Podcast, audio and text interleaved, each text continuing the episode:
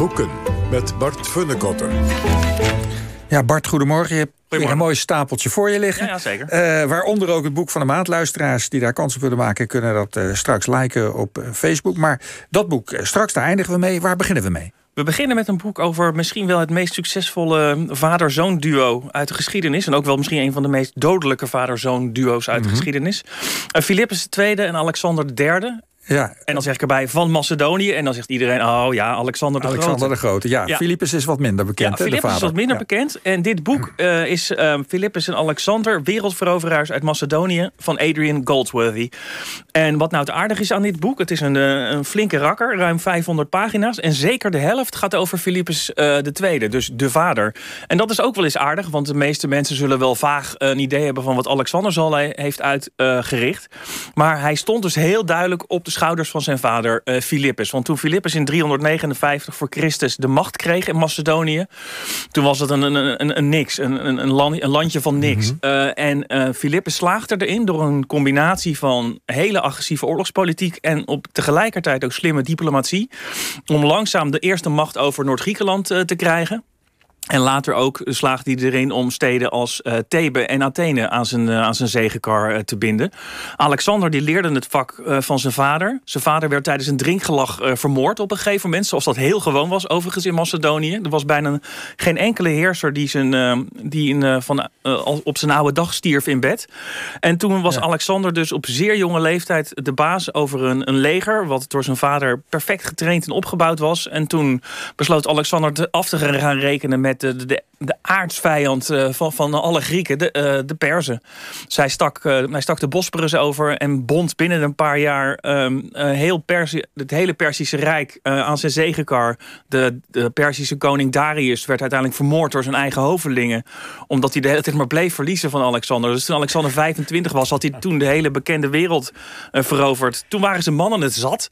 De, er zaten veteranen bij die al 50 jaar oud waren... en al, een hele leven gevochten hadden, gevochten hadden. En die wilden terug naar huis. Nou, schoorvoetend deed Alexander dat uiteindelijk... maar hij is zelf nooit thuis aangekomen... want in Babylon uh, uh, overleed hij uh, onder een soort van onopgehelderde omstandigheden. Hij zou vermoord kunnen zijn. Het zou ook gewoon een ziekte kunnen zijn geweest. En wat Goldsworthy in dit boek heel goed doet is twee dingen. Hij laat zien in welke mate Alexander verknoopt was met de erfenis van Philippus.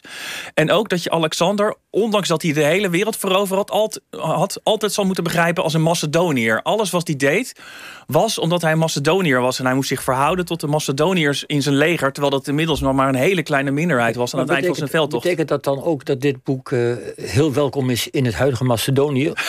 Omdat dat zij zich Alexander vooral toe-eigenen. Dat gevecht tussen Grieken en ja, Griekenland en het, Macedonië. Het, het, huidige, dit het huidige. Macedonië, qua waar dat nu ligt... heeft niet zo heel veel te maken met het Macedonië van Alexander. Dat was, dat was het, zou ik zeggen, het eerste gebied wat veroverd werd... door de, de, de, de oer-Macedoniërs, de familie van uh, Philippus en uh, Alexander. Dus dat de Grieken uh, Alexander meer Grieks vinden dan, ze, dan Macedonisch. Daar, ja, daar moet ik het wel mee eens zijn, uh, zijn denk ik. Ja, ja, nee, maar omdat je zegt, je moet hem begrijpen als Macedonië. Ja, maar dus in de context ja. van dus de wereld toen. Dus ja. uh, ondanks dat hij, hij liep op een gegeven moment met allemaal Persische gewaden rond. En hij deed aan veel, veel wijverij. en, maar ondanks dat was het allerbelangrijkste. Hoe verhield hij zich tot zijn Macedonische luitenanten. Zijn Macedonische vrienden. Zijn, zijn Hetairoi, zijn kameraden. En um, daar moest hij altijd rekening mee houden. Hij was wel een almachtig heerser. Maar niet zo almachtig dat hij die uh, Macedonische achtergrond helemaal kon, uh, kon verraden. Ja, maar geeft, geeft het een, een, een, ander beeld dan wat we hebben van Alexander de Grote? Uh, het geeft een heel volledig beeld, uh, laat ik het zo uh, zeggen. Omdat hij in die Macedonische context met zijn vader wordt geplaatst. Volgende boek, Bart. Ja, het volgende boek. Nou, het gaat de laatste tijd heel veel over complottheorieën. Ja. Weet je wie er ook, ook dol waren op complottheorieën? De nazi's. Ehm, dit boek van Richard J. Evans, de grote historicus van het Derde Rijk... heet Het nazisme en complottheorieën. De parano paranoïde verbeelding van het Hitler-tijdperk. -hmm. En in dit boek uh, komen aan de orde de protocollen van de uh, wijze van Zion, uh, de Dokstootlegende, de Rijksdagbrand, de vlucht van Rudolf Hess naar uh, Engeland in 1941 en de vraag of Hitler al dan niet ontsnapte uit de bunker in 1945. Nou, pak er eens één ja. uit die, die je het lekkerst vond. Nou, de, de, de beste is natuurlijk de protocollen van de wijze van Zion. Al was het maar omdat die ook in het huidige discours nog wel eens terugkomen. Dat, is een, dat zou zijn opgesteld op het eerste Zionistisch congres in Basel in 1897 voor de duidelijkheid, dit is een Russische vervalsing.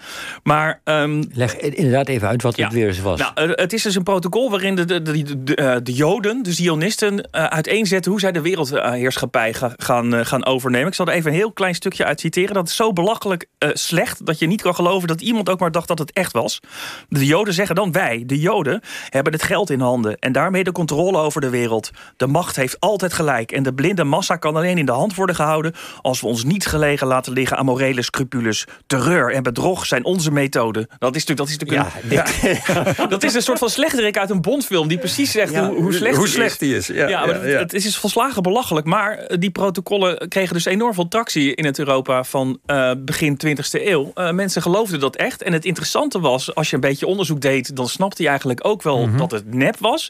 Maar, en dat is echt wel een echo van tegenwoordig, zeiden ja, het is dan misschien wel nep, maar het had echt kunnen zijn. ja, ja, dat, is, dat, is echt, dat uh, doet me denken aan Thierry Baudet. Ja, het klinkt alsof het waar is. En dat ben ik in dit boek over die complottheorie een paar keer tegengekomen. Dat de nazi's wisten dan wel van, ah, het, het, is, het zal wel niet helemaal waar zijn. Ook van die dolkstoot in 1918 niet, mm -hmm. hè, waardoor we verloren. Dat is ook wel niet helemaal waar. Maar het zou echt kunnen zijn.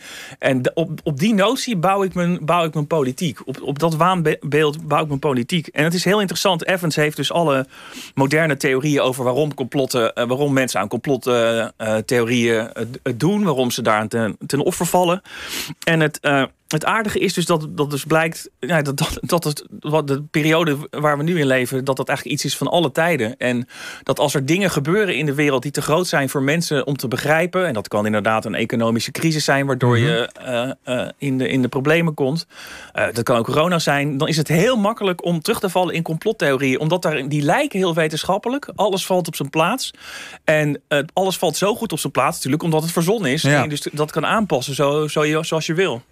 Ja, men, uh, men wil graag een oplossing. Men wil graag een oplossing en de complottheorie biedt een kant-en-klare oplossing met de zonnebok uh, vaak erbij. Dus dat, is, dat zijn de ideale oplossingen als je zelf ergens boos of verdrietig over bent.